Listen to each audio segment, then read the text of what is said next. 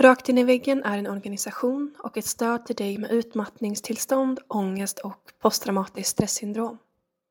I de här avsnitten, som vi kallar för personlig podd, berättar gästen sin historia utifrån sitt perspektiv och med sina egna ord. Du är varmt välkommen att återkoppla till gästen eller till oss på Rakt in i väggen efter att du har lyssnat på ett avsnitt. Vi hoppas att du får en givande lyssning och tack snälla du för att du tar dig tid att lyssna. Hej allihopa! Jag och Alexander är på Solkatten och ska spela in mitt specialavsnitt. Ett liknande som han gjorde för två veckor sedan. Vilket jag tycker blev väldigt bra och kraftfullt.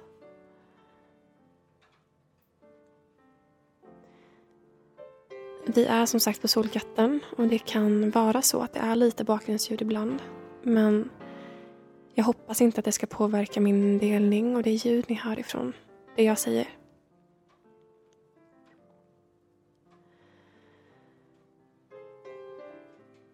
Jag är faktiskt lite nervös för att delge de strax över 22 åren jag har levt. Att, jag ska välja de sakerna som är mest relevant och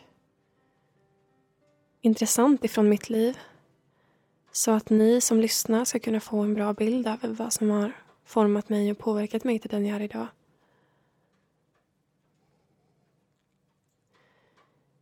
Jag vill såklart att ni ska få en så bra, framförallt tydlig bild som möjligt. Och att jag, jag hoppas att jag kan låta mig själv få säga precis som jag känner. Och att inte de här tankarna om att jag är för mycket eller att tanken om att nej, det är ingen som vill lyssna på dig Jennifer. Att de inte får styra. Utan jag hoppas att de kan få, om de nu dyker upp, att de, att de tillåts vara där. För att jag tror att om det är så att jag försöker trycka bort dem så får de starkare kraft. Och därmed kan påverka mig mer.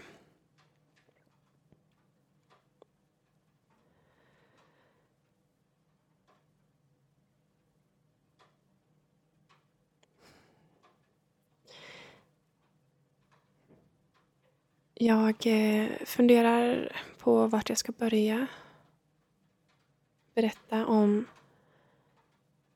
och mitt liv.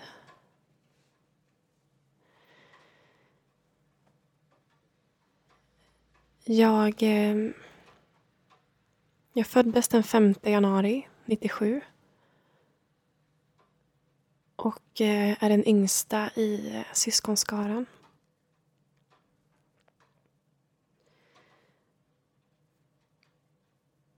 Min syster som är fyra år äldre än mig, hon har varit ett, ett jättefint stöd. Och hon har lärt mig så mycket saker. Hon lärde mig att skriva, läsa och räkna i väldigt tidig ålder jämfört med andra barn. Vilket gjorde att jag fick börja skolan ett år tidigare. Men jag tänker att innan vi går in på det så finns det ganska mycket som hände innan jag var fem år och började förskolan. Jag var ett barn som var tidig med det mesta. Jag sprang omkring, klättrade på alla saker jag kunde hitta när jag var åtta månader.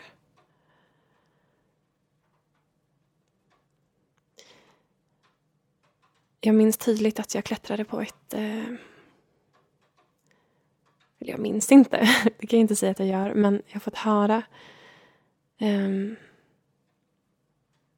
och jag kan se det framför mig, det är väl därför jag känner att jag minns det, fast jag inte riktigt gör det. Men en, jag hade en stor eh, leksaksspis som jag klättrar mycket på. Och jag är så pass liten så jag jag hade ju inte riktigt den motoriska kontrollen så jag, jag ramlade ju mycket och sådär. Um,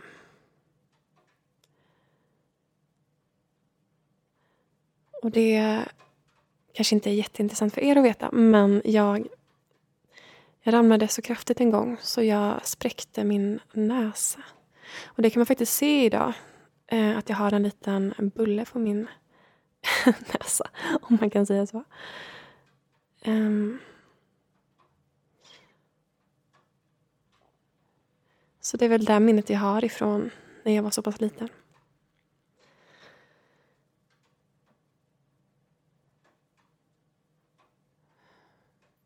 Sen är det en händelse när jag var runt tre, fyra år som har påverkat mig jättemycket.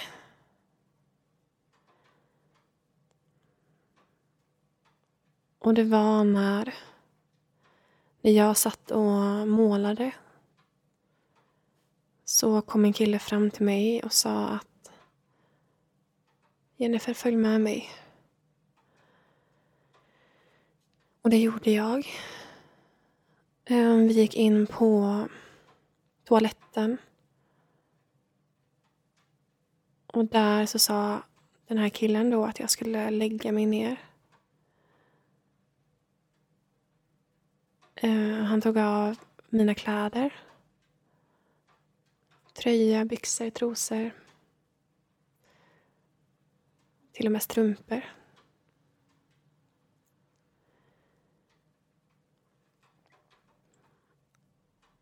Och han säger åt mig att sära på mina ben. Um,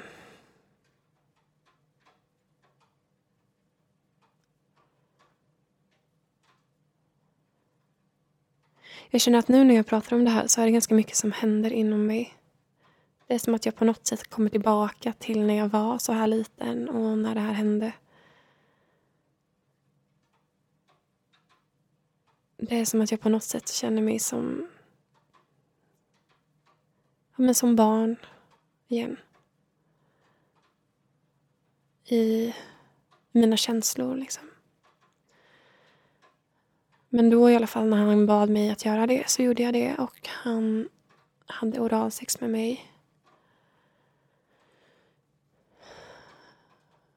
Um,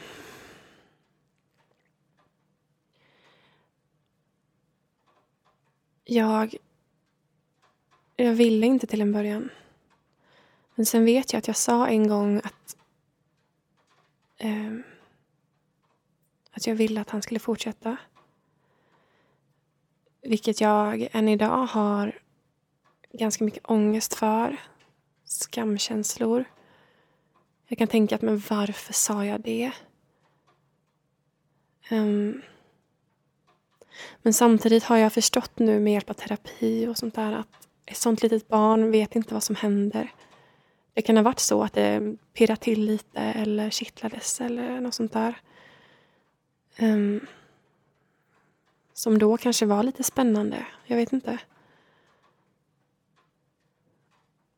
Men jag förstod i alla fall inte vad det var som hände.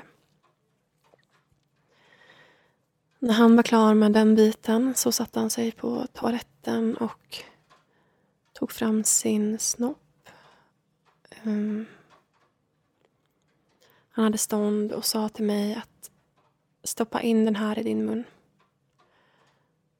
Då, det kommer jag ihåg att då sa jag nej.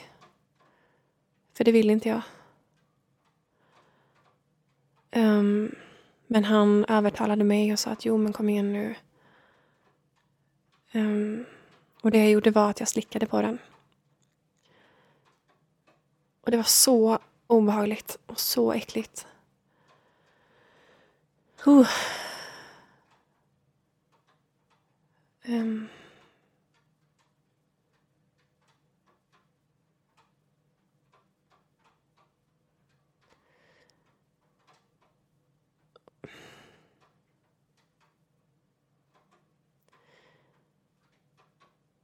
strax därefter så tror jag att jag kom ut ifrån den här toaletten ganska snart. Men jag minns inte vad som hände efter det.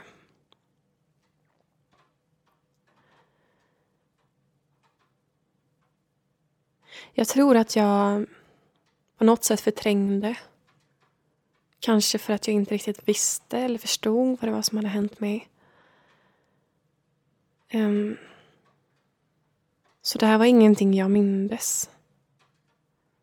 Till en början. Men det visade sig väldigt mycket genom symptom. Andra symptom som um, mycket magverk. Jag var orolig för att gå och lägga mig. Jag var nog ganska orolig. Var rädd för att må illa och kräkas. Jag utvecklade fobi för magsjuka. Fick i tidig ålder OCD, tvångssyndrom. Och jag tror att det började... Ja, jag kommer inte riktigt ihåg, men det var nog någon gång när jag hade börjat lågstadiet.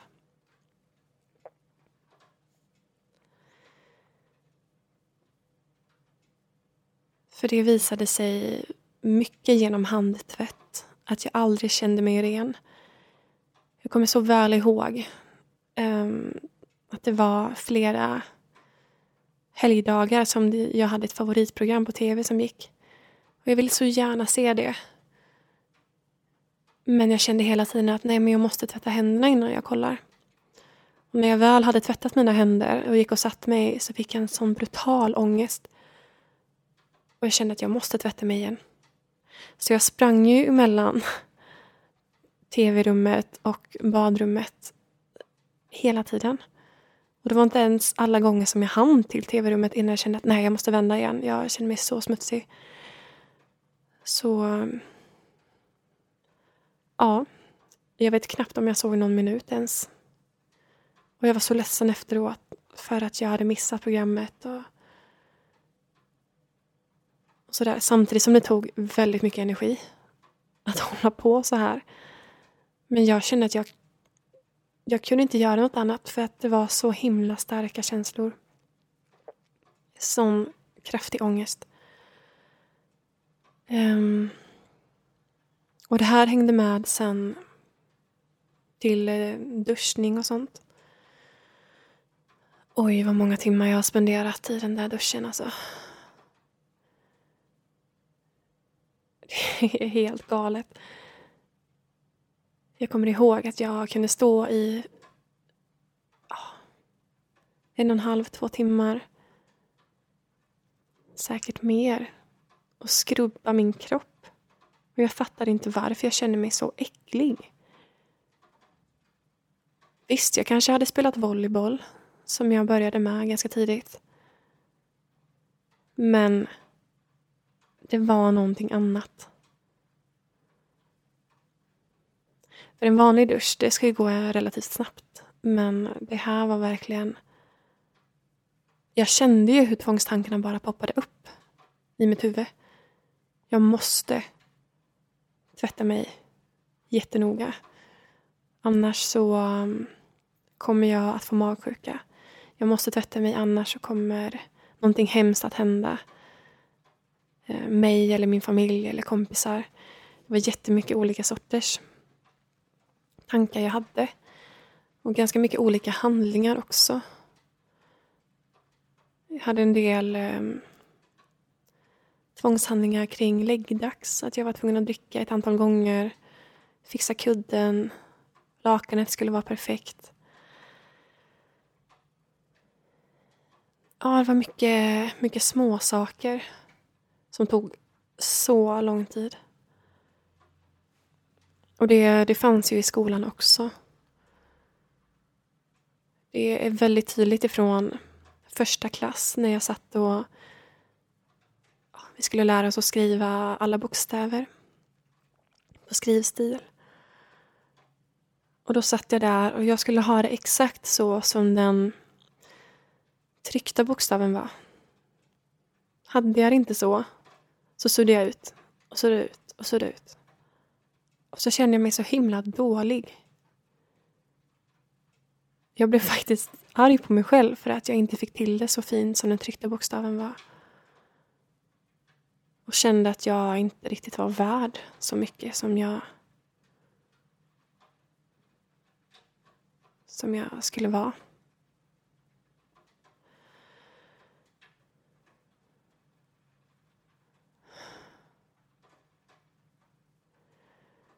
Och nu när jag ser tillbaka så kan jag ju se att det är där mina krav på mig själv började. Att jag var tvungen att få allting helt perfekt. Som alla bokstäver jag skulle skriva så fint som möjligt. Måla helt perfekt. Ehm, jag skulle vara den snällaste kompisen i klassen. Alltid vara alla andra till lags. Ta mig själv i andra hand. Jag eh, var jätteledsen och besviken på mig själv om jag inte fick alla rätt. Och det här var redan i lågstadiet. Det var... ja.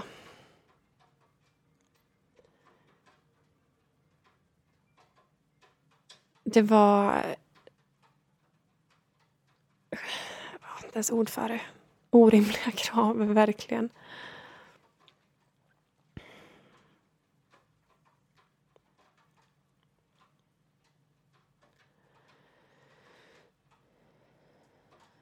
under, under låg och mellanstadiet så...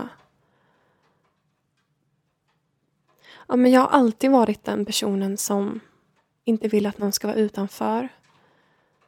Alltid inkluderat även de som inte var så omtyckta av någon anledning. De som var mobbade. Jag ville att de också skulle få vara med och leka, vara med på fotboll, bygga koja. Um, För jag tyckte det gjorde så ont i mig att se, se andra inte må bra. Och jag var likadan mot lärarna. Det kommer jag väl ihåg. Att jag alltid frågade efter en avslutad lektion. Ehm, behöver ni hjälp med någonting? Jag kan hjälpa till att ställa upp stolarna eller sudda tavlan. Jag var... Ja, men jag var så mot alla faktiskt. Och det fick jag ju höra ofta också att speciellt av eh, mattanten som vi kallar henne, Marita. Så sa hon det, tänk Jennifer, om fler vore som du. Då hade världen varit en bättre plats. Och då var jag väl åtta kanske. Det var ju jättestort att få höra det när jag själv inte såg mitt eget värde riktigt.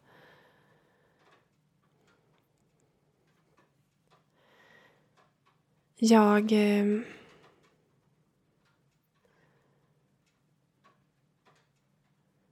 ja. Jag hade två stycken, eller framförallt en tjej i min klass som var väldigt, väldigt bråkig. Och otroligt otrevlig. I stort sett hela tiden. Hon var ju väldigt utstött på grund av det här. På grund av hennes attityd och hur hon behandlade andra kompisar i skolan och lärare var riktigt uppkäftig och slogs mycket. Men trots det här så ville jag att hon skulle få vara med. Ehm, vilket gjorde att vi, vi lekte en hel del. Även om jag eh, inte alltid ville det. Så gjorde jag det mycket för hennes skull. Um, och hon var inte speciellt snäll mot mig heller. Och det är saker jag än idag faktiskt kan må dåligt över. Dels att hon kallade mig väldigt mycket fula, fula ord. Um, trots att jag gjorde det jag kunde för att vara snäll mot henne och låta henne vara delaktig. Men jag fick ofta höra att jag var en hora, slampa, dum i huvudet. Uh, att ingen ville Ingen ville vara med mig. Um, det var mycket könsord jag blev kallad. Och eh, jag kommer ihåg framförallt två, tre gånger. Um, det var en gång som jag satt och läste i ett eget rum för att jag, det var ganska stökigt i min klass. Um, och då så var det ett rum mellan våra klassrum och ett annat rum. Um, så hon gick ju mellan de här rummen väldigt ofta och varenda gång hon gick igenom dörren så sa hon någonting riktigt taskigt. Um, och så gick hon in i nästa dörr och så kom hon kanske tio minuter senare igen. Uh, och så sa hon någonting annat. Den gången kom jag ihåg väldigt mycket för jag kände hur mycket jag sjönk ner i soffan för varje gång hon kom in. Och jag var så rädd för att den där dörren skulle öppnas. För att jag visste vad det var som väntade bakom.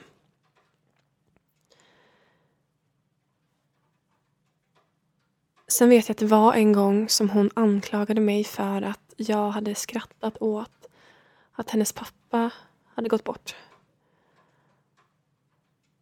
Och då blev jag riktigt arg. För det är någonting jag aldrig någonsin skulle göra. Aldrig någonsin. Och hon hade inte ens berättat för mig att hennes pappa hade gått bort.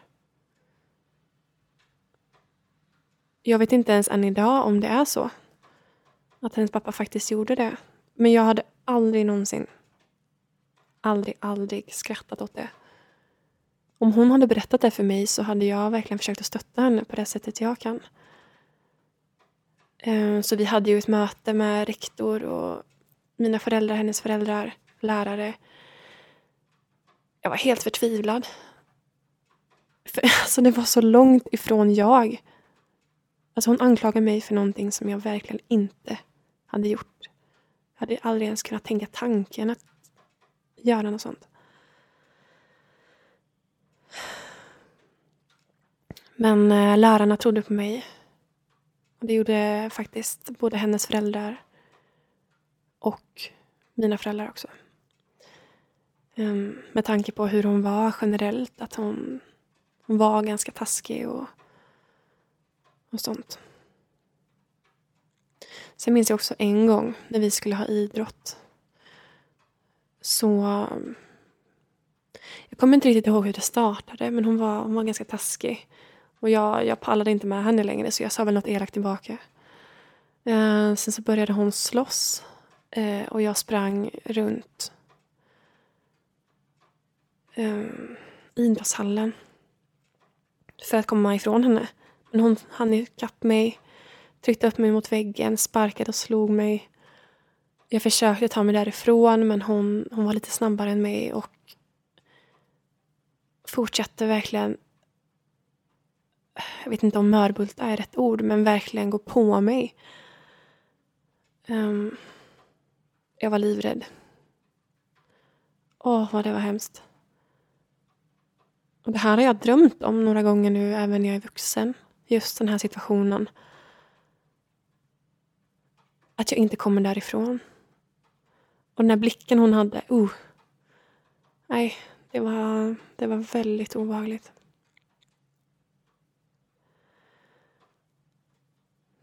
Men trots att hon var så elak mot mig och sa så mycket saker så kände jag att jag inte kunde låta henne vara ensam. Så vi, vi umgicks ibland ändå. Eh, efter skolan och sådär. Det var mm, ofta jag sa ja utan att jag ville. Jag kände nästan ett tvång att vara med henne. För att Ja. Jag vet inte varför, för att egentligen. Men så var det i alla fall. Och jag vet att en gång när vi umgicks hemma hos henne så um, började hon prata om sex. Och sen helt plötsligt så låg hon på sin säng och tog på sig själv. Och jag blev så här, men vad håller du på med? Jag fattar ju inte vad hon gjorde för någonting. Um, och då sa hon, nej men... Uh, ja, jag onanerar. Jaha. Sluta med det då. Varför gör du det när jag är här? Eh, och då försökte hon övertala mig om att jag skulle testa göra det på mig själv. Men jag sa nej, det vill jag inte göra. Och hon sa jo, det ska du göra. Nej, jag vill inte. Men eh, till slut så... Ja, mina nej godtogs inte helt enkelt. Så jag... Jag eh, gjorde som hon sa. Men jag fattade inte hur man skulle göra. Eh, så jag frågade, men hur gör man då? Eh, och nu känner jag att det tar lite emot. Men hon, hon visade på mig hur man skulle göra. Och det var obehagligt. Jag tyckte inte det kändes bra. Och det var obehagligt att jag gjorde det på mig själv också och jag var ganska rädd. Um, till slut sa jag bara att nej, nu drar jag hem. Jag vill inte vara här längre. Um, och just den här händelsen bidrog till så mycket. Dels så... Oh, jag vet inte hur lång tid efter. Men så började jag tänka att jo, men jag kan ju testa det där igen. På mig själv. Um, och då var det en annan sak. Då tyckte jag liksom att det var trevligt. Um, så jag, jag var ganska inne i det där faktiskt. Att ta på mig själv. Det var liksom, det gav, det gav mig någonting. Um, på något sätt var det ett sätt för mig att, kan jag tänka idag, att, att komma ifrån jobbiga känslor, ångest. För att det var någonting som var skönt och som som ja jag hade någonting att fokusera på helt enkelt. Um, vet inte hur gammal jag kan ha varit. Nio, tio kanske. Um, sen så började jag leka sexuella lekar med kompisar. Både tjejer och killar.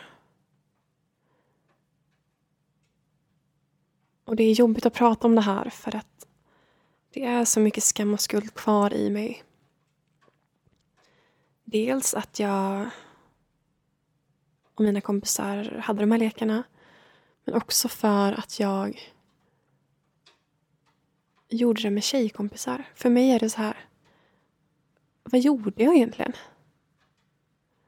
Det var ju mycket lättare på något sätt att att prata med tjejer om det. Även när man var så liten. För att det var massa tjejer jag umgicks med. Eh, och det var många som var nyfikna på men vad är det här för någonting. Um, så det var, det var ganska mycket sådana lekar under, under en period. Och det... Ehm, ja, det är som jag sa, det är jobbigt att berätta det. Men det är ändå någonting som jag måste prata om för att jag skäms så över det. Och jag känner att bär jag på detta själv så blir det inte bra. Jag har också genom min terapi pratat en hel del om det här och jag har fått höra det att sexuella lekar bland barn är jättevanligt. För att barn men undrar, är nyfikna, vill utforska. Det är en del av utvecklingen. Och sen, om man har varit utsatt för övergrepp som barn och inte fått den hjälpen man behövt så är det är det lättare att man hamnar i sexuella lekar för att man på något sätt vill bearbeta det man själv har varit med om.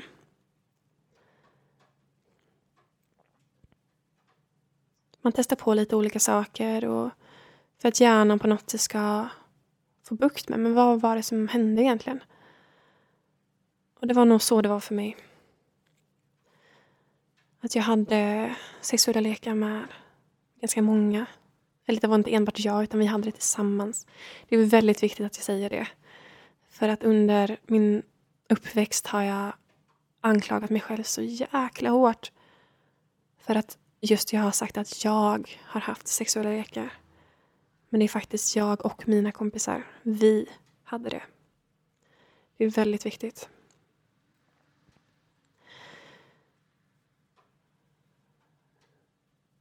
Sen är det en, framförallt en kille som jag har mått väldigt dåligt över att vi har haft de här lekarna tillsammans. Um, han är lite yngre än mig. Och um, dels just det att han är lite yngre har varit jättejobbigt. Um, men också för att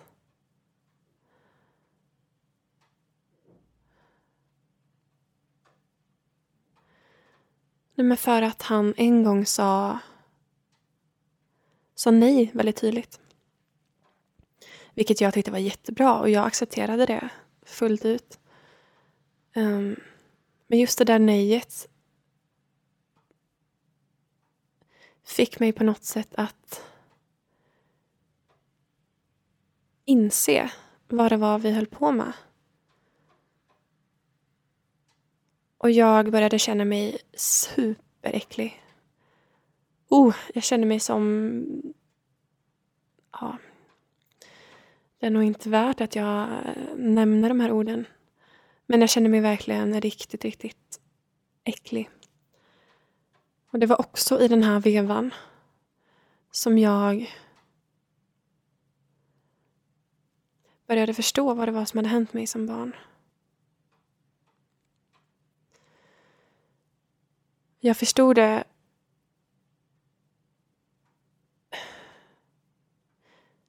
Hur ska jag förklara? Um...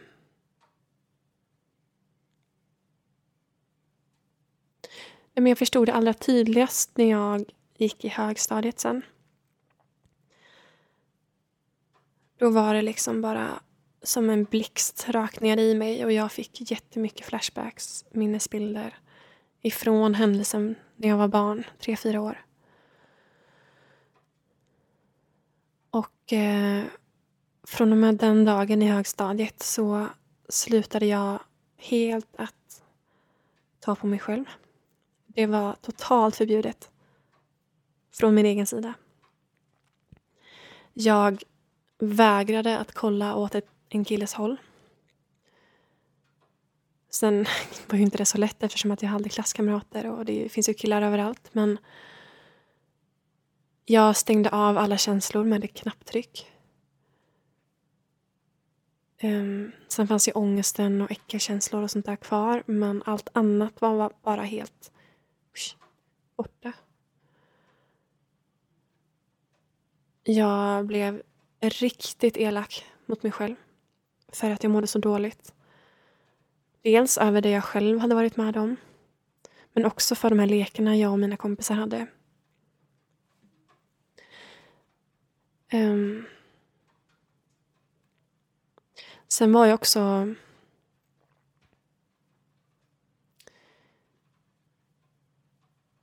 väldigt rädd för att jag hade gjort någonting allvarligt. Att jag hade skadat någon av dem vi hade haft lekarna med. Um, Även om vi hade gjort på samma villkor liksom.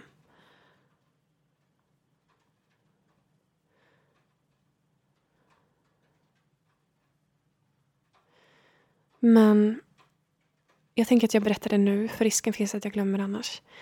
Um, den här killen som är lite yngre än mig, jag eh, har pratat med honom nu i efterhand. För att jag... Jag pratade med honom för ett år sedan. För att jag har mått så brutalt dåligt över det här. Och då pratade vi. Ehm, vi träffades på riktigt och jag sa att jag är otroligt ledsen för allt, alla lekar vi har haft och hoppas verkligen inte du mår dåligt över det. Jag mår väldigt dåligt över det själv. Um, men då sa han att det är absolut ingenting jag ens tänkt på. Och det är ingenting du behöver vara ja, men, arg eller ledsen på dig själv för. För du har inte gjort mig illa överhuvudtaget. Och jag, då sa han också att jag vill be om ursäkt för att vi hade de här lekarna. Och jag hoppas verkligen att du kan släppa det här. Och det var så jävla skönt att få höra det från honom. Alltså ord kan inte beskriva den lättnad jag kände. Efter alla år av att må jävligt dåligt så fick jag höra det här. Jag var bara tvungen att, att berätta det nu för att jag inte skulle glömma det. Så jag tänker att jag återgår till, till högstadiet. Jag eh, började på barn och ungdomspsykiatrin i högstadiet. Jag hade gått där även när jag var runt tio år.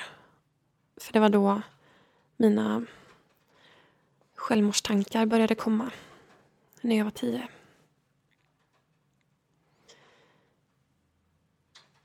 Och eh, när, jag var, när jag var tio år så var det inte på grund av... Jo, det kanske det var. Jo, delvis var det på grund av självmordstankarna men det var också mycket på grund av tvånget som jag började på barn och ungdomspsykiatrin. Och då jobbade vi väldigt mycket med rädslan för att kräkas. Jag var jätterädd för färgen röd. På grund av att den hinken vi hade hemma var just röd. Um, som vi hade när vi var sjuka. Så jag kunde inte ha någonting rött på mig. Fick panik när jag såg färgen röd. Um, så den terapin var väldigt bra. Det... Idag är jag inte alls rädd för färgen röd. Um, har inte alls, verkligen långt, långt ifrån samma panik om jag skulle bli sjuk. Och det, det är väldigt skönt. I högstadiet när jag gick på barn och ungdomspsykiatrin där så pratade vi ganska mycket om självmordstankar. Eh, och varför jag hade dem. Sen vågade jag aldrig berätta om varför jag mådde dåligt. Utan jag skyllde på skolan. Um, sa att jag hade väldigt höga krav, vilket jag hade. Um, men kraven grundade sig ju på att jag inte såg mitt eget värde. Att jag hade så himla mycket ångest och behövde på något sätt visa att jag var bra på någonting genom prestation. Att jag var värd någonting. Um, och jag fick ju ganska mycket respons och feedback på att jag gjorde bra ifrån mig i skolan. Både från lärare och familj. Så det var mitt sätt att känna att okej, okay, jag, jag kanske duger ändå.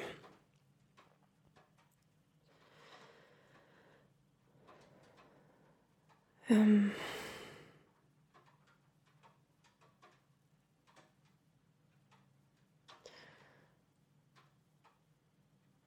Ja, men det var, väl, det var väldigt tufft att gå och bära på det här. Jag verkligen behövde prata om de här sexuella lekarna och det övergreppet jag var med om som barn. Jag behövde verkligen prata om det, men jag vågade inte. När den kontakten med BUP var över eh, så började jag i gymnasiet. Jag gick in med inställningen att nu så ska jag byta stad. Eh, börja plugga i Karlstad istället. Jag kommer få träffa nytt folk, nya vänner, allting kommer vara nytt och nu kan jag börja ett nytt liv. Så tänkte jag. Och jag gick in med den inställningen, var väldigt, väldigt positiv. Hade... Jag mådde ju inte bra. Jag hade väldigt mycket en fasad. Samtidigt som att jag försökte övertala mig själv om att jag mådde bra. Jag älskade skolan, tyckte det var jätteroligt. Eh, det hade jag alltid gjort egentligen. För att jag har haft lätt för att lära mig och ja, ta till mig saker. Um,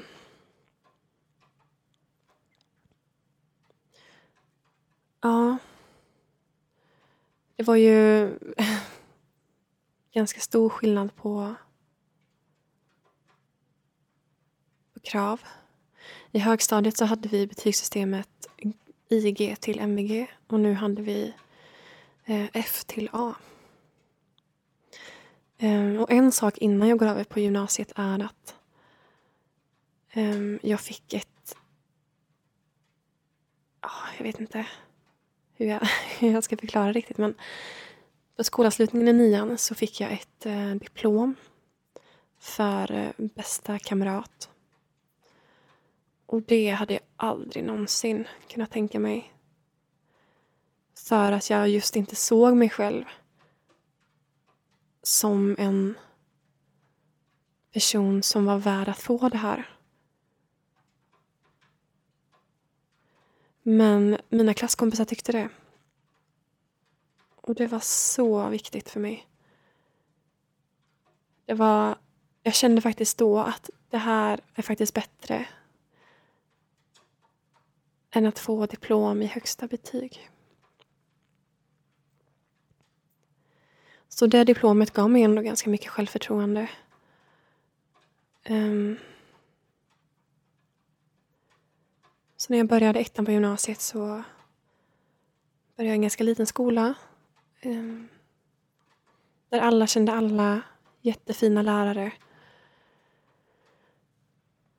Det var, det var som att man var lite mer åt kompishållet med lärarna för att det var en sån öppen, öppet klimat. Och eh,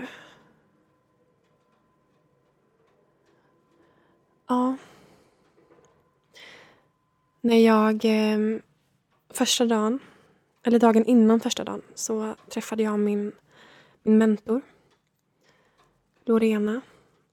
Och jag kände direkt att oj. Det kändes så bra. Jag kände mig så trygg. Um, jag kände att hon var ganska, ganska rak i hennes sätt att vara på. Men det... Hon kändes så himla snäll. Och jag kände i stort sett direkt att henne kan jag prata med om jag behöver. Jag... Eh, det var även en kille utanför klassrummet som skulle komma in efter mig. Jättesöt kille. Och jag minns att jag sa hej till honom och han var jätteblyg. Um,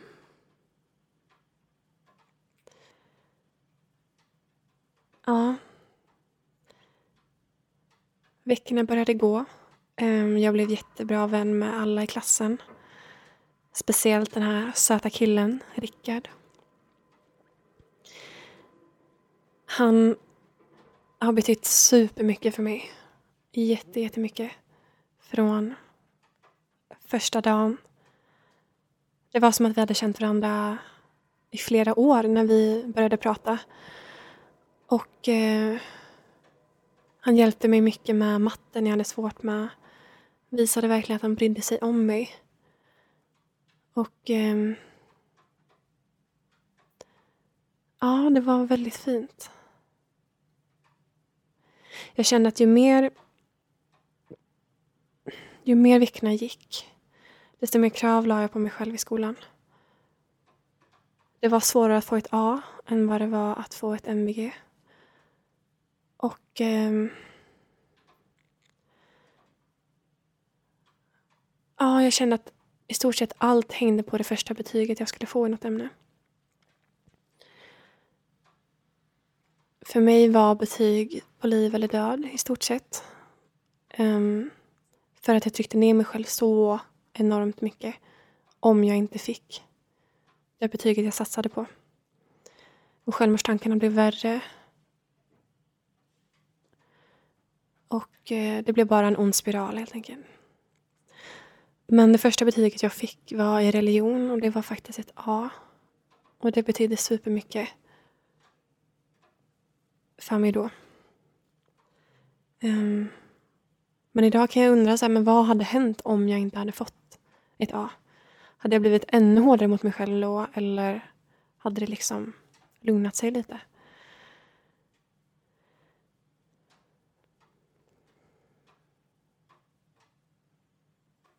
Jag trivdes väldigt bra på den skolan. Um, men jag kände att, att jag blev tröttare och tröttare. Det var som att jag inte riktigt... Jag vet inte. Det kändes som att någonting var fel. Jag eh, fick migrän väldigt ofta på helgerna som jag hade fått i, i lågstadiet redan. Jag blev sjuk när det var lov. Um, det var väldigt tydligt att jag under veckorna samlade på mig så mycket spänningar och så mycket stress. Och när jag väl slappnade av, då blev jag sjuk. Så jag blev kallad för eh, ett praktexemplar på elev. För att jag var frisk. Oftast frisk på veckodagarna då. Um.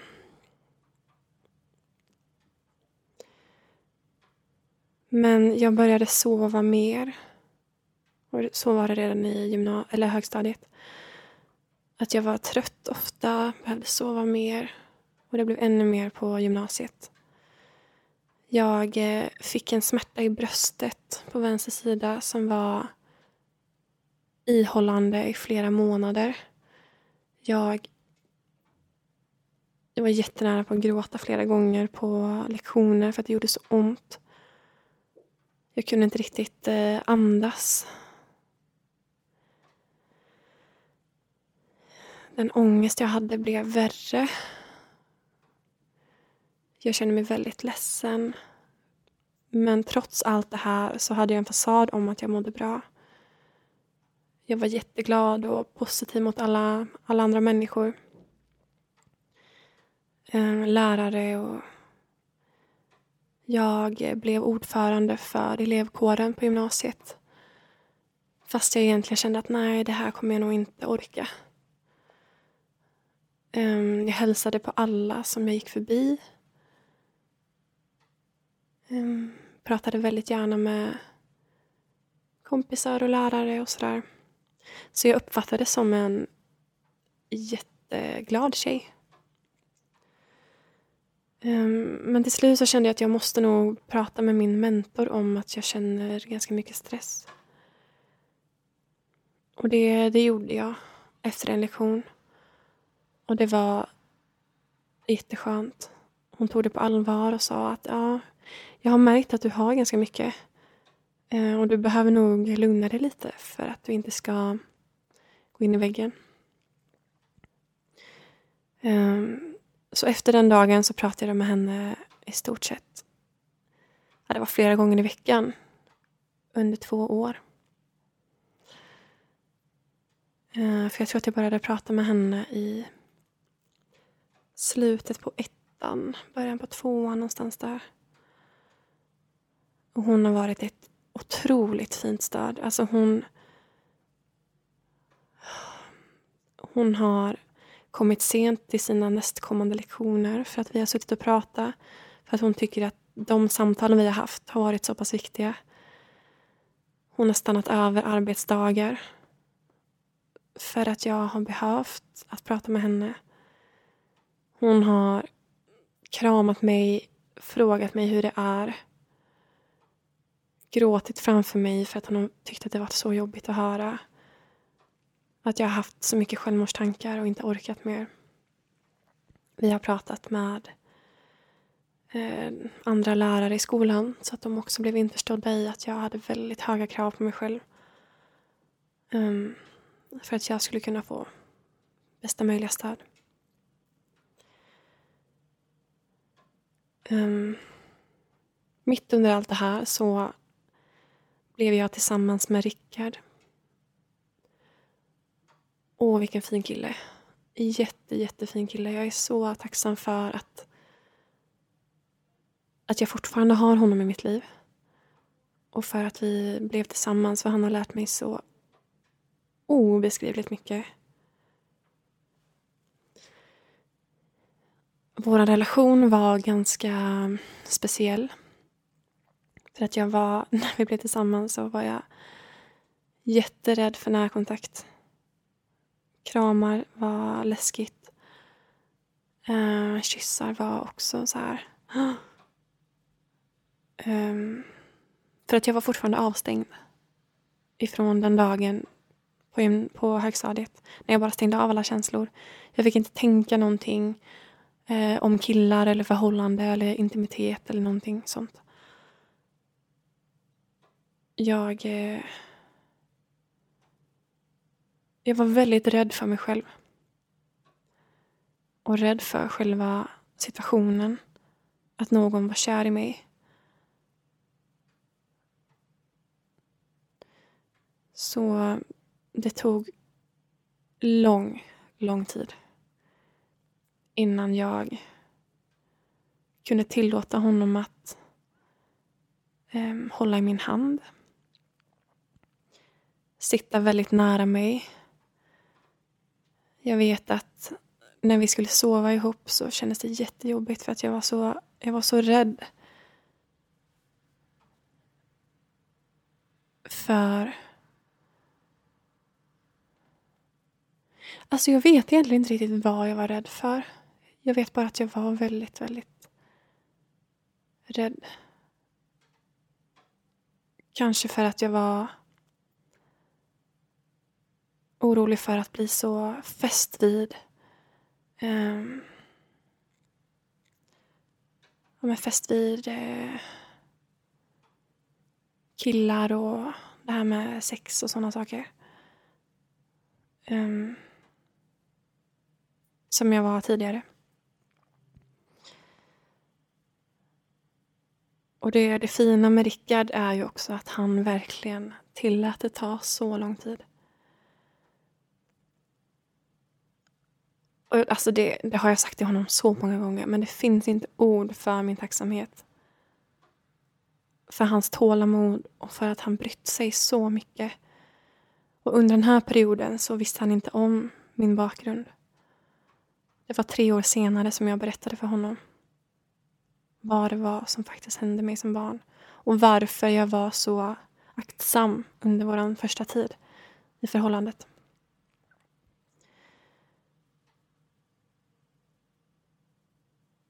Jag kommer alltid älska honom. För att han har gjort så mycket för mig. Fått mig att kunna känna mig trygg hos en kille. Verkligen brytt sig om mig. Oavsett hur jag har mått. Stöttat mig i så otroligt mycket saker.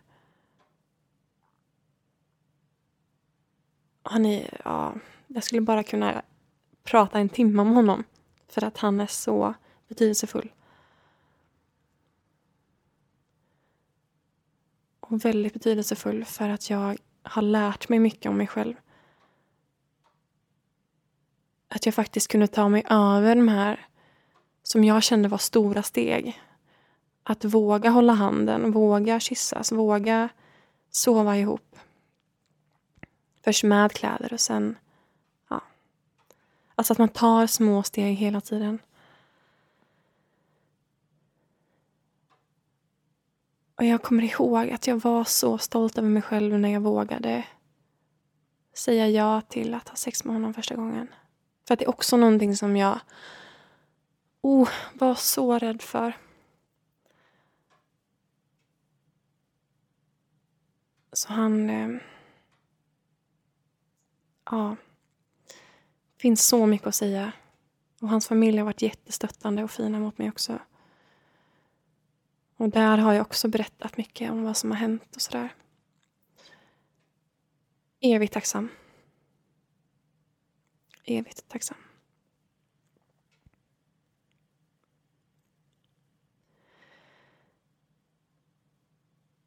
Om jag går tillbaka till gymnasiet så Ja, mina symptom blev ju mer och mer påtagliga. Jag hade mycket mm, magkatarr, förstoppningar, kände att jag hela tiden var tvungen att vara igång. Jag var i skolan så länge som det var öppet. I stort sett varje dag. Pluggade på vägen hem. På bussen. Pluggade från bussen. När jag gick hem. Pluggade när jag kom hem. Ville inte gå och sova för att jag kände att jag var tvungen att plugga. För att det var mitt sätt att komma ifrån hur jag mådde. Min ångest. Och de tuffa tankarna jag bar på. Så här höll det på i stort sett hela tiden. Och jag pluggade lika mycket på högstadiet. Fast det var nog mer nu på gymnasiet. Um, jag fick också en fantastiskt fin vän, Emma, på gymnasiet som också har betytt otroligt mycket. Vi har pratat jättemycket om hur vi har mått båda två. Um, det är så fint att ha, att jag hade henne då och jag har henne fortfarande i mitt liv, vilket jag är jättetacksam för. Att ha någon liksom att ventilera med. Sen hade jag svårt för att ta till mig av de råd och tips jag fick av henne och av andra. För att jag kände att jag är inte värd att må bra. Jag kan inte tillåta mig själv att vila för att jag är inte värd att, att göra det. Jag är värd att tära på mig själv, ta sönder mig själv i små, små bitar varje dag, hela tiden.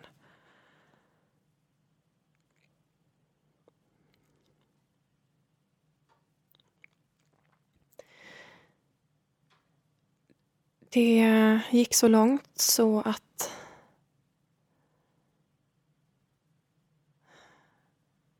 Det finns jättemycket att säga om Emma också. Det, det vill jag att ni ska veta. Och jag är väldigt tacksam. Um, men som jag sa, det gick så långt för mig att uh, jag kom till skolan, orkade knappt stå upp men hade ändå en fasad om att det är bra. Pluggade på, Fick mer ont i bröstet. Yrsel, stark yrsel fick jag. Um, illamående. Jag började känna ångest för att gå till skolan för att jag orkade inte. Men samtidigt så var det så jag var tvungen att göra för att orka leva. Jag pluggade för att överleva.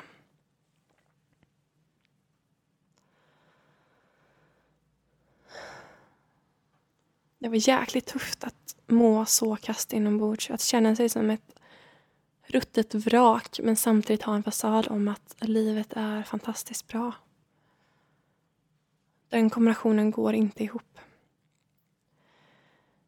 Jag eh, började på barn och ungdomspsykiatrin igen och fick träffa en väldigt bra kurator, Susanne Vi pratade mycket om krav och prestationer, självmordstankar. Men även där så höll jag tyst om grunden i mitt mående. Jag vågade inte prata om varför jag mådde som jag gjorde. Och Det var många gånger jag satt och hyperventilerade, skakade och kände att åh, jag måste få säga detta, men jag vågade inte göra det. Och hon förstod ju att det var någonting mer. Men jag kunde inte säga något.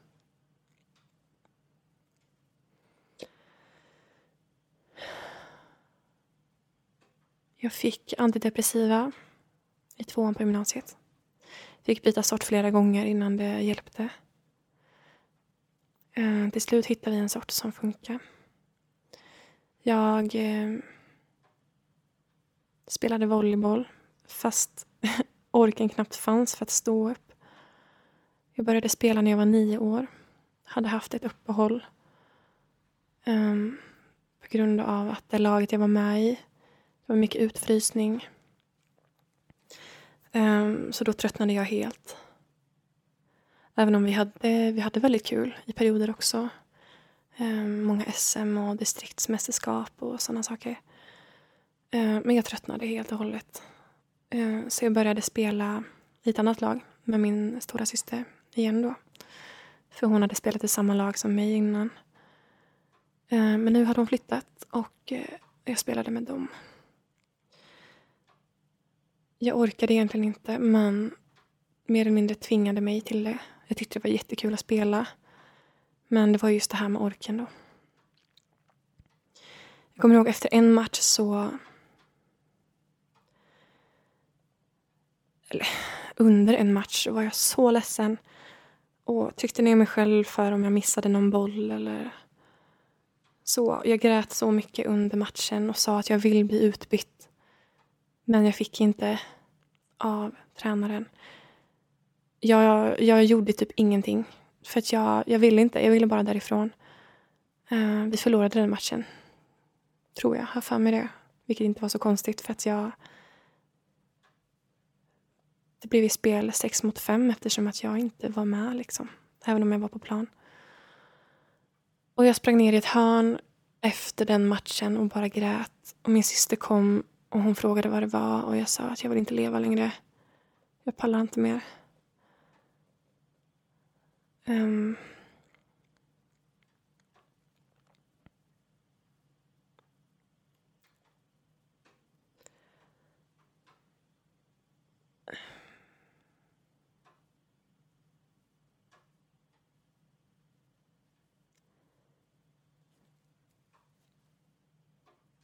Ja.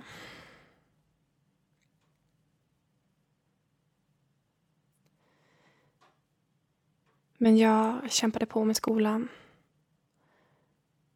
Um, Rickard var otroligt viktig. Emma också under den här tiden. Fick mycket stöd från dem. Och min mentor också. Jag eh, skrev faktiskt ett arbete om utbrändhet i en engelska kurs.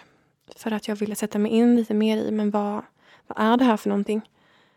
Eh, eftersom att flera hade sagt till mig att du måste nog lugna ner dig nu för annars så kommer du att bli utbränd. Så jag skrev ett arbete om det. Jag kände att oj, ja det här stämmer in på mig. Men lyssnade inte på de signalerna jag hade ändå. Um, jag pratade lite med en lärare på skolan, Anna, om att hon hade varit sjukskriven för utmattningssyndrom. Och vi kom fram till att vi har väldigt mycket liknande symptom båda två. Um.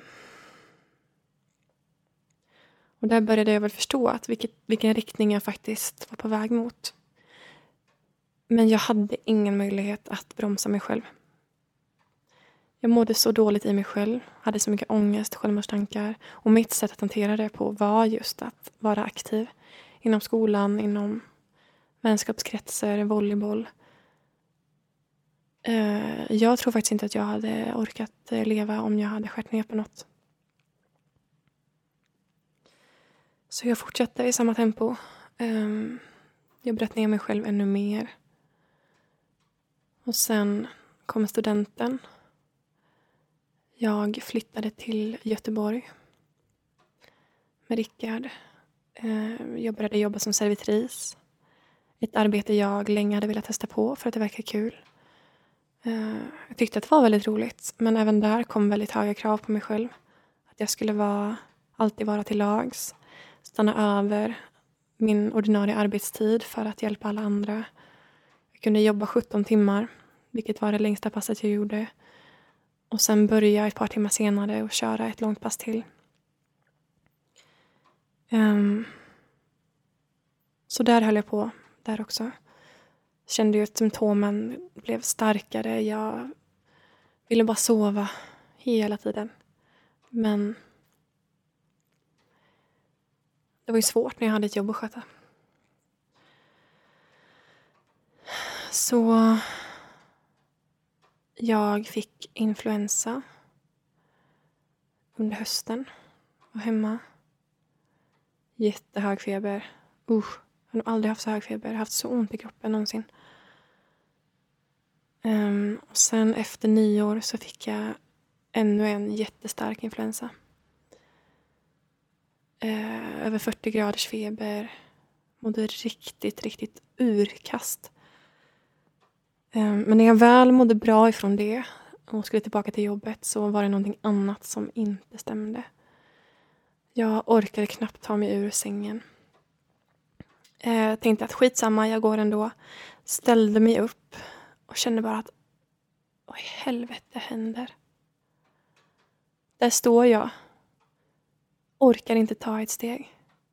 Jag ringer till mina föräldrar och är helt förtvivlad. Um, säger att jag, jag kan inte komma ut ur mitt rum. Eh, knappt så att jag orkade lägga mig ner igen. Och de sa att sjukskriv dig. Säg att du fortfarande inte mår bra. Eh, jag tänkte att jo, men jag behöver nog sova lite. Så jag gjorde det. Jag sov. Det var inte bara lite, det var 17 timmar. Eh, tänkte att men imorgon kan jag nog gå iväg. Men det var likadant då. Eh, så jag blev sjukskriven för akut stressreaktion 10 februari 2016. Um, ehm, hade en läkare som jag kände förstod mig bra. Um, och det jag gjorde de första tre månaderna var i stort sett bara att sova. Jag tyckte det till och med var jobbigt att ligga i sängen, så trött jag var. Att vända sig om var liksom det jag kunde orka på en hel dag. Jag åt inte speciellt mycket. Um, för jag orkade inte ta mig ut i köket. Plus att jag inte hade någon hunger.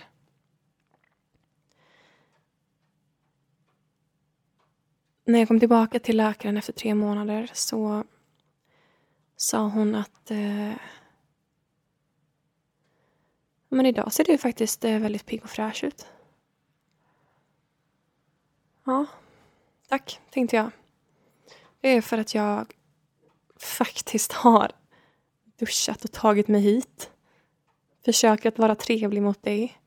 För att jag ska få den sjukskrivningen som jag är värd. Men eh, hon tyckte inte det. Eh, utan hon sa att jag tror att det bästa för dig nu är om du går tillbaka till arbete. Och jag fick ju panik. Jag var ju totalt slutkörd. Men jag fick ingen sjukskrivning. Så jag ringde mina föräldrar och var förtvivlad. Undrade men vad fasen ska jag göra nu? Um, tog kontakt med en annan läkare. Hon sjukskrev mig. Och uh, gav även förslag på att kontakta Närhälsan för stressrehabilitering. Så jag gjorde det. Fick träffa... Jag hade tre fysioterapeuter. Um, inte samtidigt, utan efter varandra. Och fick jobba mycket med basal kroppskännedom och mindfulness. Lite avspänning. Eh, jättesvårt, men bra. Eh, den här läkaren slutade sen, som jag ändå kände förstod mig. Eh, och jag tänkte att, ja men... Ja, vad gör jag nu då? Um, fick ingen förlängd sjukskrivning. Eller jo, det fick jag förresten. I, jo, jag fick det av henne innan hon slutade.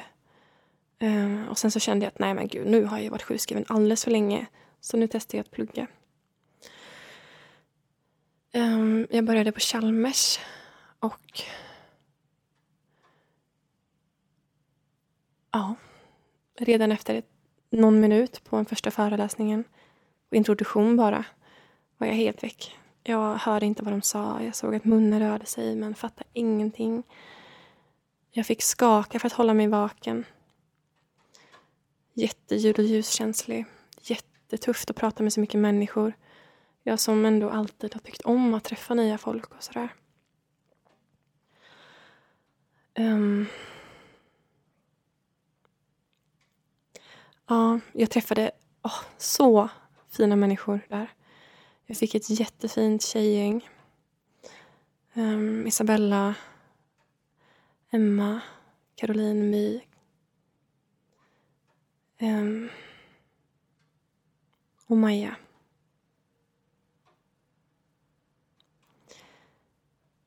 Det var jättefint. Det var de som gjorde att jag orkade ta mig till skolan i en och en halv månad som jag ändå gick. Um, och sen, sen orkade jag inte mer. Uh, jag gick tillbaka till en annan läkare som sjukskrev mig för utmattningssyndrom. Och jag var sjukskriven i ett år.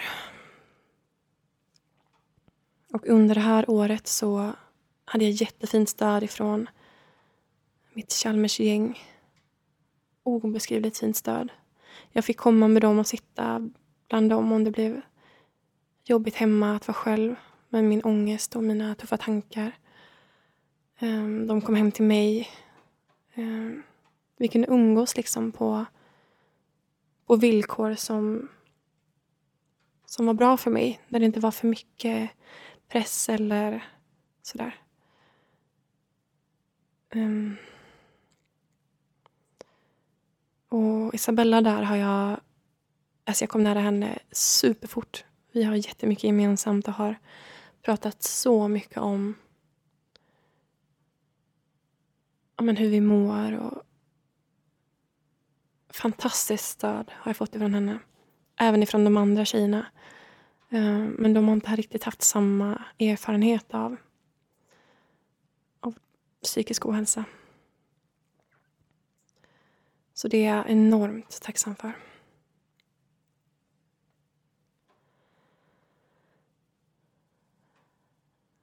Under det här året så kämpade jag jättemycket med att få tillbaka någon typ av ork. Jag sov nästan hela tiden.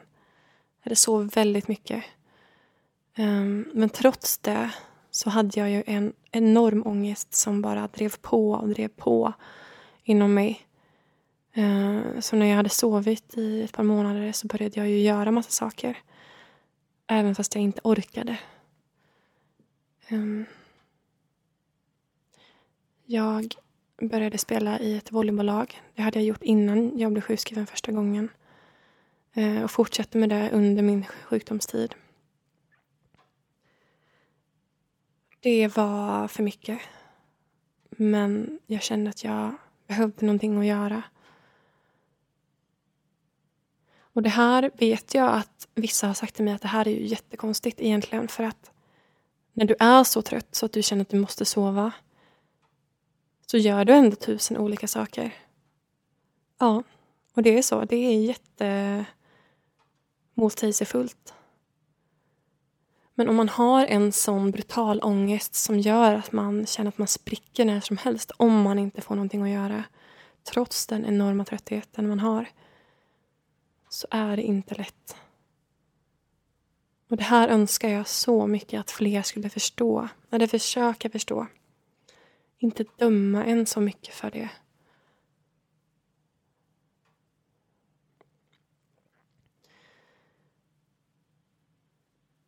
Under den här tiden så började jag skriva på en bok.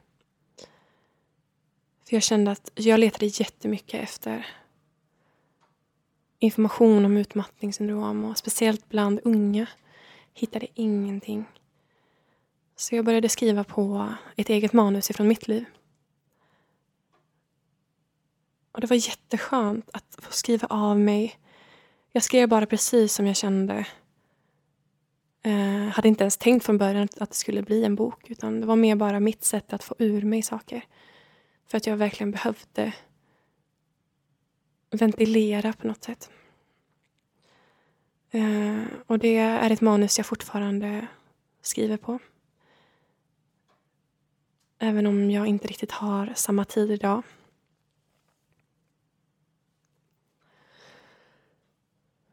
Jag Uh,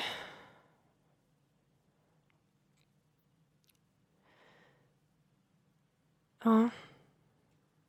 I början där efter jag blev sjukskriven eh, efter min korta tid på Chalmers så kände jag att jag måste verkligen prata med någon om mitt förflutna. Om de sexuella lekarna och det sexuella övergreppet jag var med om. Eh, så jag gick till en barnmorska och eh, försökte prata där. Och jag kände att antingen så berättar jag det här nu eller så tar jag mitt liv. Det var liksom de två alternativen jag hade att välja på för att jag mådde så dåligt och kände att det, in, det kommer inte bli, bli bättre om jag inte berättar för någon. Och det var så jävla tungt att säga det här till henne. Men så skönt. Och hon var den första som sa till mig att de här lekarna är så vanligt att barn gör. Och sen att hon bekräftade att det jag hade varit med om som barn var riktigt hemskt. Ah, jag kommer nog aldrig glömma den första gången jag berättade för henne. Jag träffade henne ah, ett par månader kanske. Ehm, och sen så fick jag tips ifrån min läkare att jag skulle höra av mig till ehm, mottagning för unga vuxna som har psykologer och psykiator psykiatorer, nu, psykiatrer. Um, så att jag skulle kunna få en behandling för de traumorna jag har. Uh, jag hörde av mig dit och uh, fick veta att jag skulle få en tid efter jul. Uh, under jul så var jag i Värmland med Rickard och hans familj. Då fick jag ett samtal ifrån Katarina, min psykolog. Och det var så häftig känsla när jag pratade med henne. Det kändes så himla bra direkt och kände att åh, det här kommer bli så bra.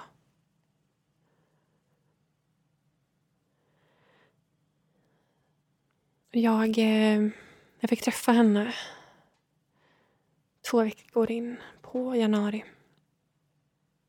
Och det, redan då kändes det också jätte, jättebra. Jag eh, kände mig så trygg och kände att hon verkligen lyssnade på mig. Både genom hennes kroppsspråk och hur hon pratade med mig. Och det var verkligen så skönt. Men också såklart jättetufft. Hennes stöd har betytt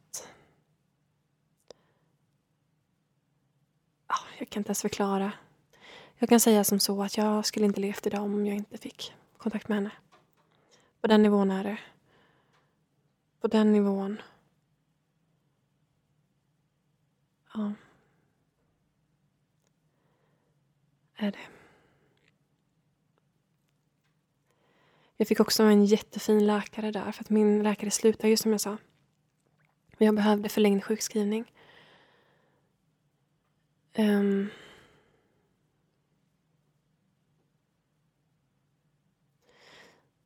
så jag fick träffa en jättefin psykiater som också tog mig på allvar.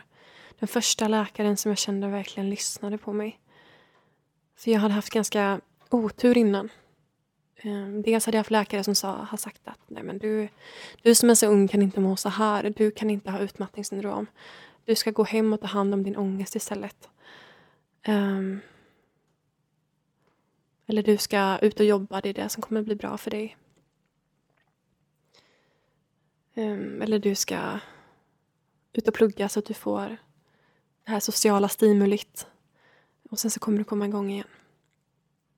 Jag hade en läkare som sa till mig att Jennifer, för att du ska må bra, för att du ska må bra så behöver du eh, träffa mer folk och du behöver eh, ja, ha en sysselsättning.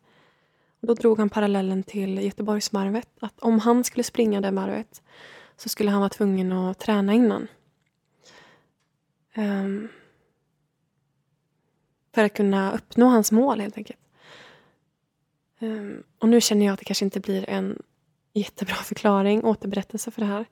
Men när han sa det här så menade han på att för att kunna bli bättre måste man aktivt jobba med eh, men liksom ha en sysselsättning och inte vara hemma och grubbla typ. Och jag var så arg. Och det här sa han till mig under två, två enskilda möten vi hade. Alltså två möten på varandra. Ja, jag var så arg alltså. Helt sjukt. Han förstod ju inte att det var mer än bara ångest. Att det var utmattningssyndrom jag hade. Jag var helt jäkla slutkörd. Men det trots att jag berättade för honom. Jag hade skrivit flera A4 om mina symptom och så därför att han skulle förstå. Men det gjorde han inte. Men den här i alla fall, psykiatern som jag fick nu på MUX var jätte, jättebra. Och jag har fått så himla fint stöd ifrån de båda två. Under min tid där så var jag inlagd på sjukhus två gånger. Första gången var eh, mars 2017. Då låg jag inlagd i fyra, fem dagar men blev utskriven för tidigt. Sen minns jag när jag var på akutpsykiatrin så träffade jag en... Jag hade en kompis med mig. Isabella var med mig och vi möttes av en jätteotrevlig sjuksköterska. Hon ifrågasatte verkligen varför vi var där. Eh, vad jag skulle tro att jag skulle få hjälp med. Så jag tänkte att nej, fan heller. Jag tänker vända här. Jag tänker inte bli bemött så här när jag har så mycket tunga tankar inombords. Jag gick in i alla fall och eh, då minns jag att läkaren sa ah, men jag tänker att du ska vara inlagd i ungefär två veckor. Och jag skrek rakt ut nej du, det tänker jag inte vara, max några dagar. Um, men när jag väl var inlagd så kände jag att ah, men jag behöver faktiskt vara här. Och eh, trots att jag inte ville så blev jag utskriven för tidigt. Um, jag åkte faktiskt tillbaka till akutpsykiatrin dagen efter jag blev utskriven för att jag mådde så dåligt. Um, men då så sa läkaren det att Nej, men du är egentligen för ung för att bli inlagd. Och det finns en risk med att du är så ung att du kan känna en trygghet um, genom sjukhuset då. Att det blir en tillflykt för dig. Um, ja, jag visste inte vad jag skulle svara på det. Jag tyckte bara det kändes så himla dumt. För det var ju inte riktigt så det, det var för mig. Den andra gången jag blev inlagd var i maj 2017. Ehm, jag var inlagd i 32 dagar. Det var inte ett bra ställe jag var på. Jag kände mig inte sedd. Det var knappt någon i personalen som frågade hur jag mådde. Um, kände mig mer instängd än omhändertagen. Jag hade sån tur som hade jättefina kompisar som kom och hälsade på mig. Eh, Rickard kom också. Och det var väldigt, väldigt tur. För jag trivdes inte alls.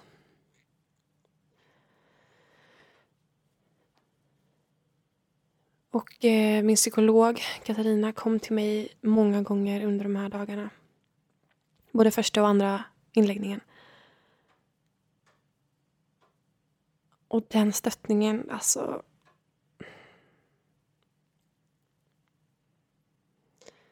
Ja. Jag vet inte vad jag hade gjort utan den. Det var mycket mer betydelsefullt än någonting annat. Och det, det har jag verkligen sagt till dem båda. Både min psykiater och psykolog. Um, framförallt psykologen då, som kom, kom till mig så ofta. Otroligt fint. Och hon ringde mig många gånger också.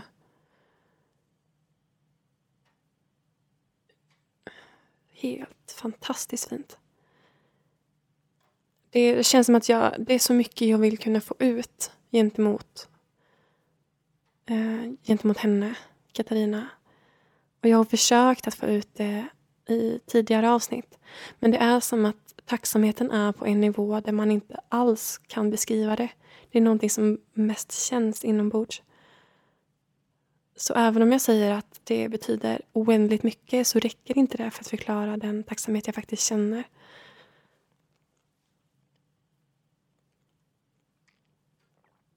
Ja, det finns mycket att säga om detta.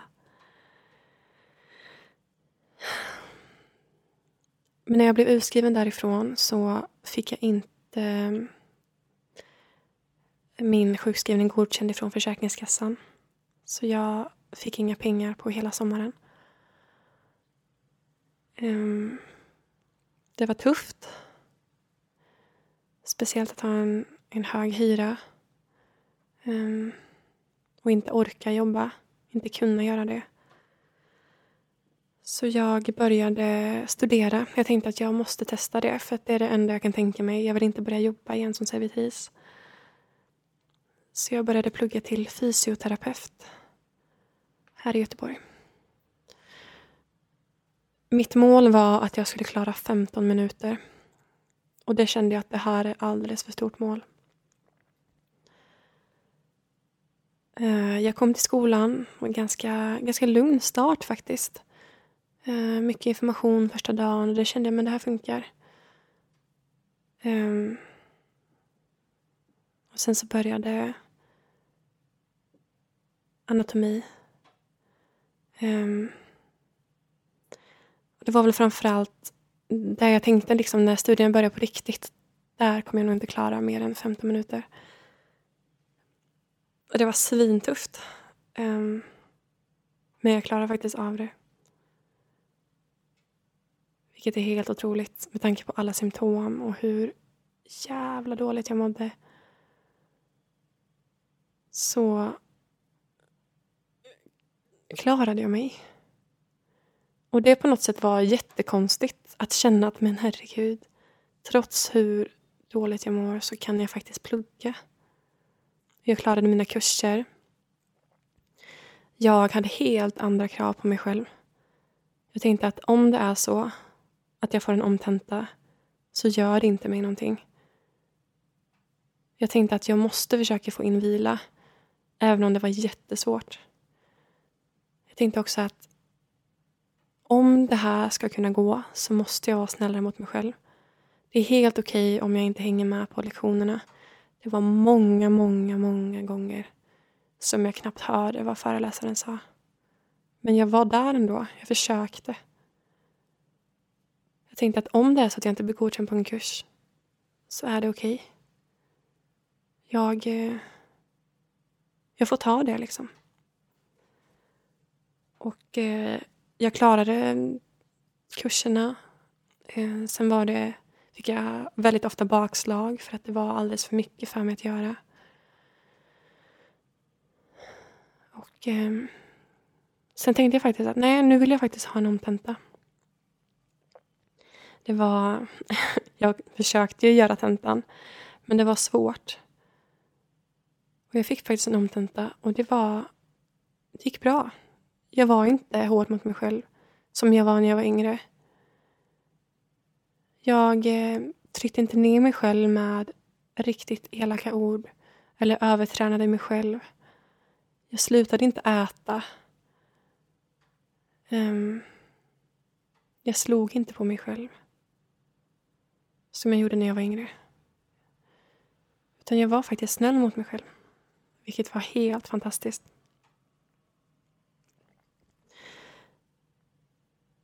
Helt... Alltså jag blir nästan rörd när jag tänker på det för att det är sån skillnad.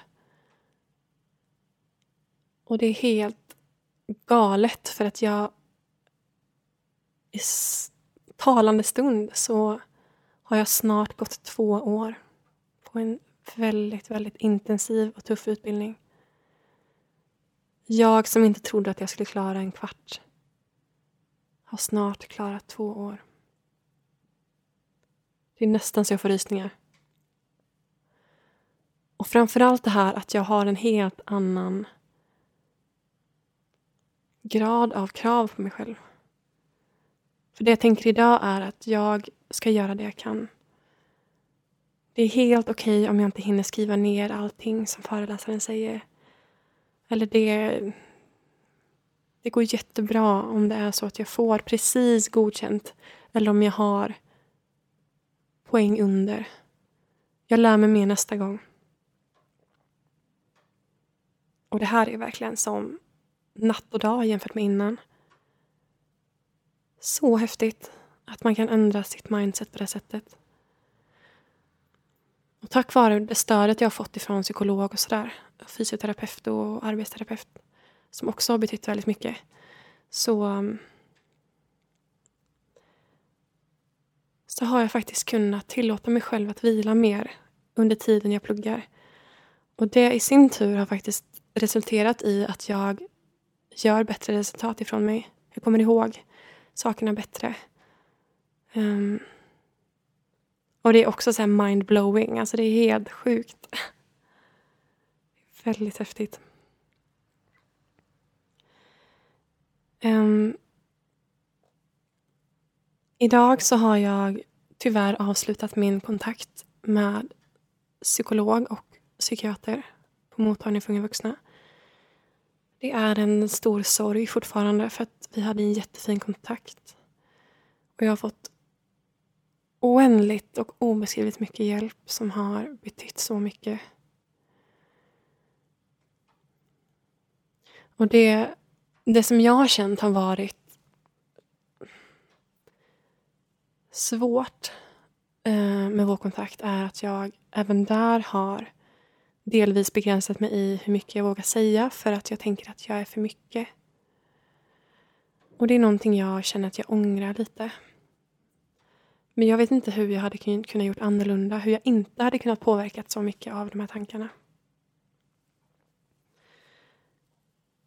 För hur den är, även om jag fortfarande idag inte mår bra, så har den hjälpen jag fått hjälpt mig mycket.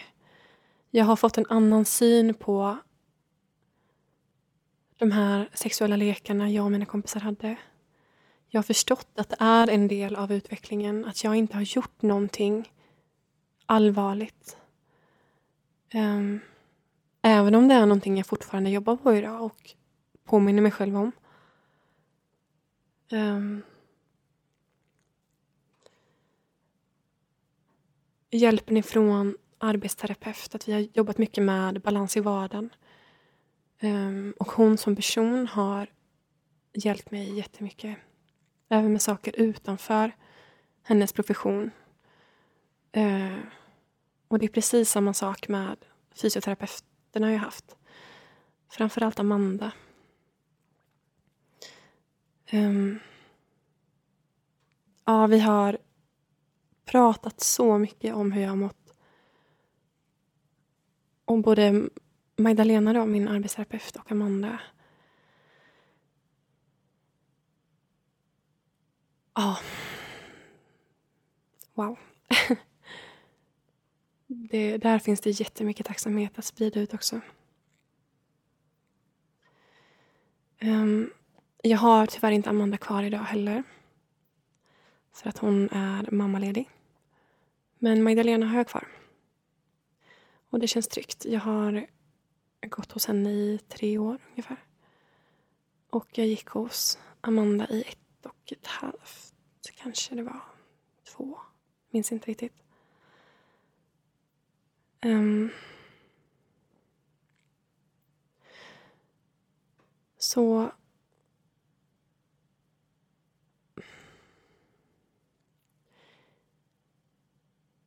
Idag.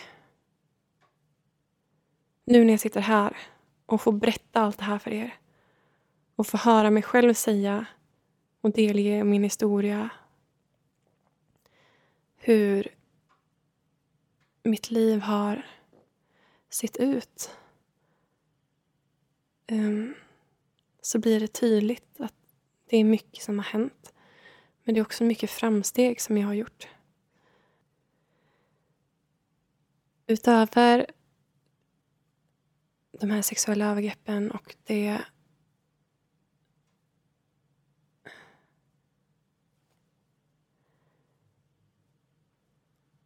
och de sexuella lekarna som,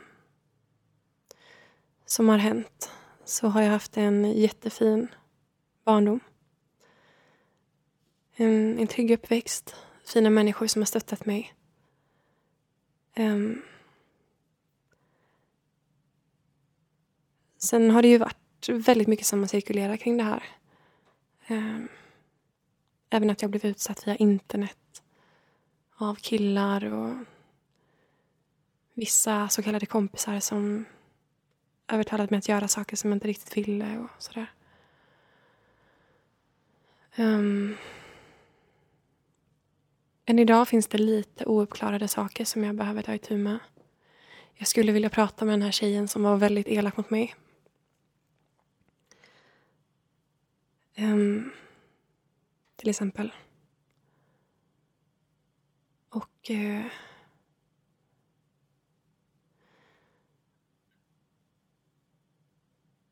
ja...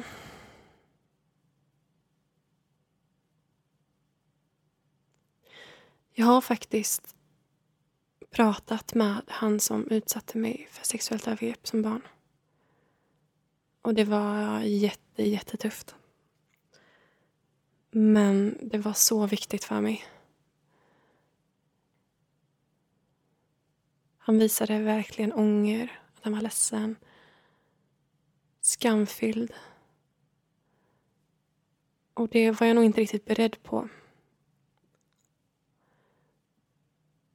Så den, där känner jag att jag har kommit längre. Eller inom allt det här har jag kommit längre. Sen finns det saker att jobba på. Um, jag har en hel del tvång kvar. Framförallt tvångstankar som påverkar mig. Um, det finns en del självmordstankar kvar. En del kritiska ja, tankar överlag och sådär. Men jag känner ändå nu, återigen, när jag har pratat om det här att mycket som ändå har förändrats. Som är på väg åt rätt håll, även om det fortfarande ofta är väldigt tungt.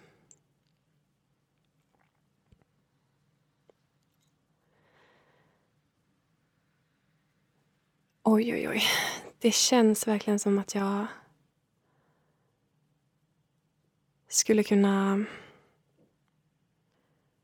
sitta här mycket längre och gå in mer i detalj på saker. Och, um, jag kan komma på nu att det är flera saker som jag inte har berättat om. Uh, till exempel när jag började min statist och skådespelarkarriär. Och,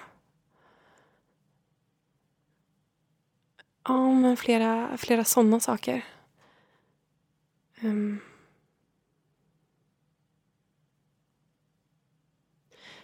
Skulle ju kunna säga det lite snabbt i och för sig. Och det var under min andra sjukskrivning som jag blev statist för, för första gången. Eh, det var när jag började må lite bättre så kände jag att jag ville göra någonting. Och det här med att vara med i film har jag alltid varit intresserad av. Så mm, de spelade in Irene Huss här i Göteborg. Och jag gick förbi och frågade om de behövde hjälp av statister. Så på den vägen var det.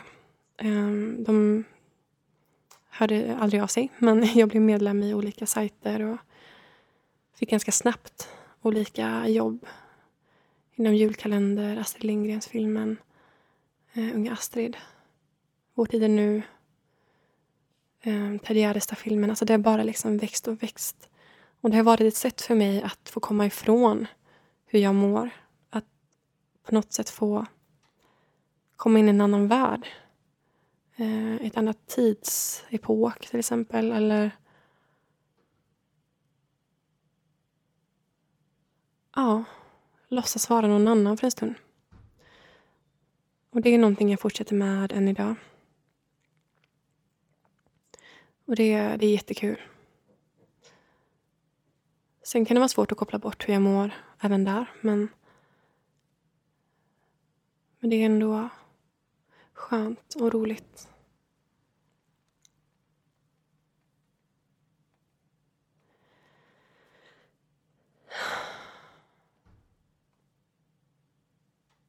Tänk vad mycket det finns att säga. Det är klart, det är ju strax över 22 år att prata om.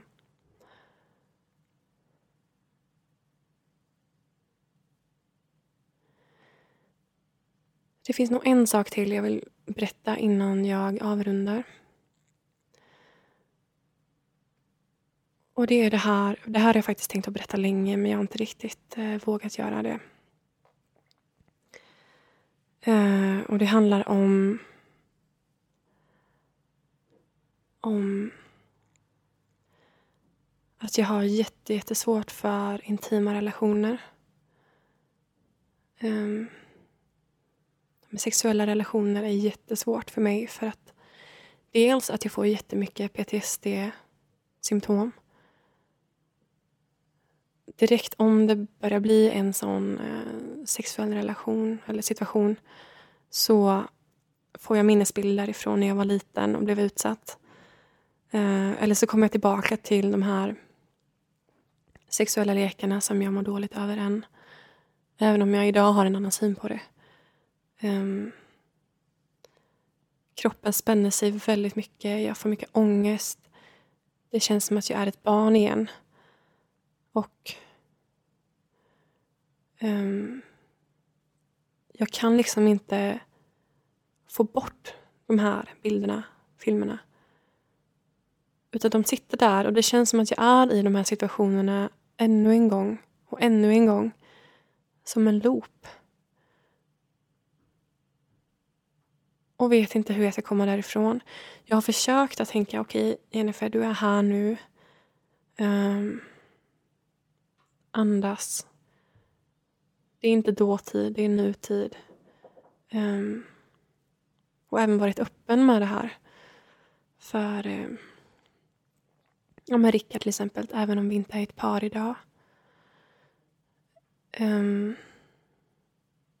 och han har varit jätte, jättefin och hjälpsam och förstående.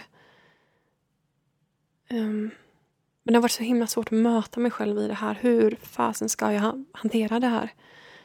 Och hur ska jag göra för att jag inte ska bli så rädd och påverkas?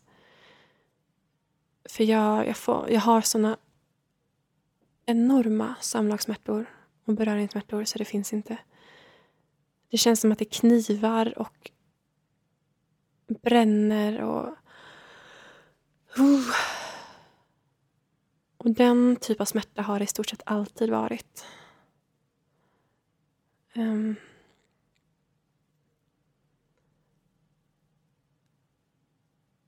Och det är väl, alltså det... Det, det är klart det är tråkigt. Eh, men samtidigt känner jag att jag är rädd för att, att det ska bli bättre. För att jag inte vill hamna i det här som när jag var yngre. Att jag... Um, alltså tänker uh, på sex hela tiden och vill ha kille och allt vad det nu är. Men samtidigt så vill jag inte ha det som det är nu heller. Uh, det är bara rädslor som finns i mig. Det andra. Men de här smärtorna, de är verkligen enorma och gör att jag ibland får ligga i fosterställning och kan ha ont i flera dagar. Och jobbigt att ha kläder på liksom, emot och sånt. Ja. Oh, Okej, okay, det var skönt att säga det. Skönt att få del i allting jag har sagt idag. Um, jag tänker att det jag har berättat nu är det är såklart en överblick av mitt liv. Um, det, jag har berättat om några väldigt fina vänner jag har. Sen finns det såklart ännu fler. Um, Frida till exempel, som jag träffade via um, mitt servitrisjobb. En jättenära vän idag. Um, väldigt många under årens lopp som har stöttat mig på olika sätt. Eh, men det skulle bli väldigt långt, ännu längre om jag skulle ta upp alla.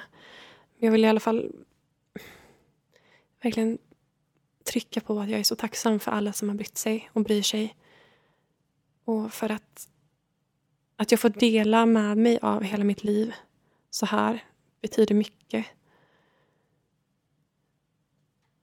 Att ni som sitter, eller står eller går, eller vad ni nu gör, att ni vill lyssna på mig. Ta del av min historia. Saker som har hänt, saker som jag tycker är tuffa att berätta om, att ni faktiskt vill lyssna på det. Att ni vill ta del av det jag bär på i min ryggsäck. Att ni vill försöka förstå mig mer genom att lyssna på det här. Det är häftigt och så fint. Jag vill verkligen tacka oändligt mycket för den här tiden.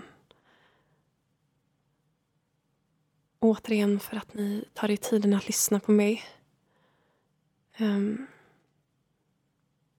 jag skulle verkligen, verkligen uppskatta feedback.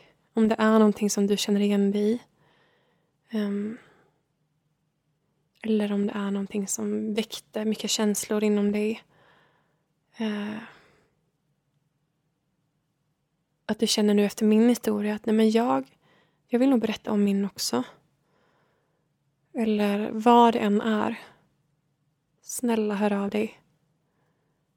Det är så fint med feedback oavsett om det är konstruktiv kritik eller om det är positiv feedback. Det lyfter mig väldigt mycket och det är också skönt att känna att jag i mina tankar och det som har hänt mig inte är ensam. Det är mycket därför jag berättar allt det här också, för att jag vill visa att det är okej okay att prata om hur man mår. Håll det inte inom dig. Det blir inte bra. För mig blir det i alla fall inte bra. Prata är bland det viktigaste som finns för mig. Och att få dela det på det här sättet är ju helt fantastiskt. Så tack i tusen miljoners, triljoners, biljoners. Och jag skickar jätte, jätte, jättemånga kramar till er alla. För det, det är vi värda. Återigen, tack så mycket. Så hörs vi av snart igen. Stor kram och hej då.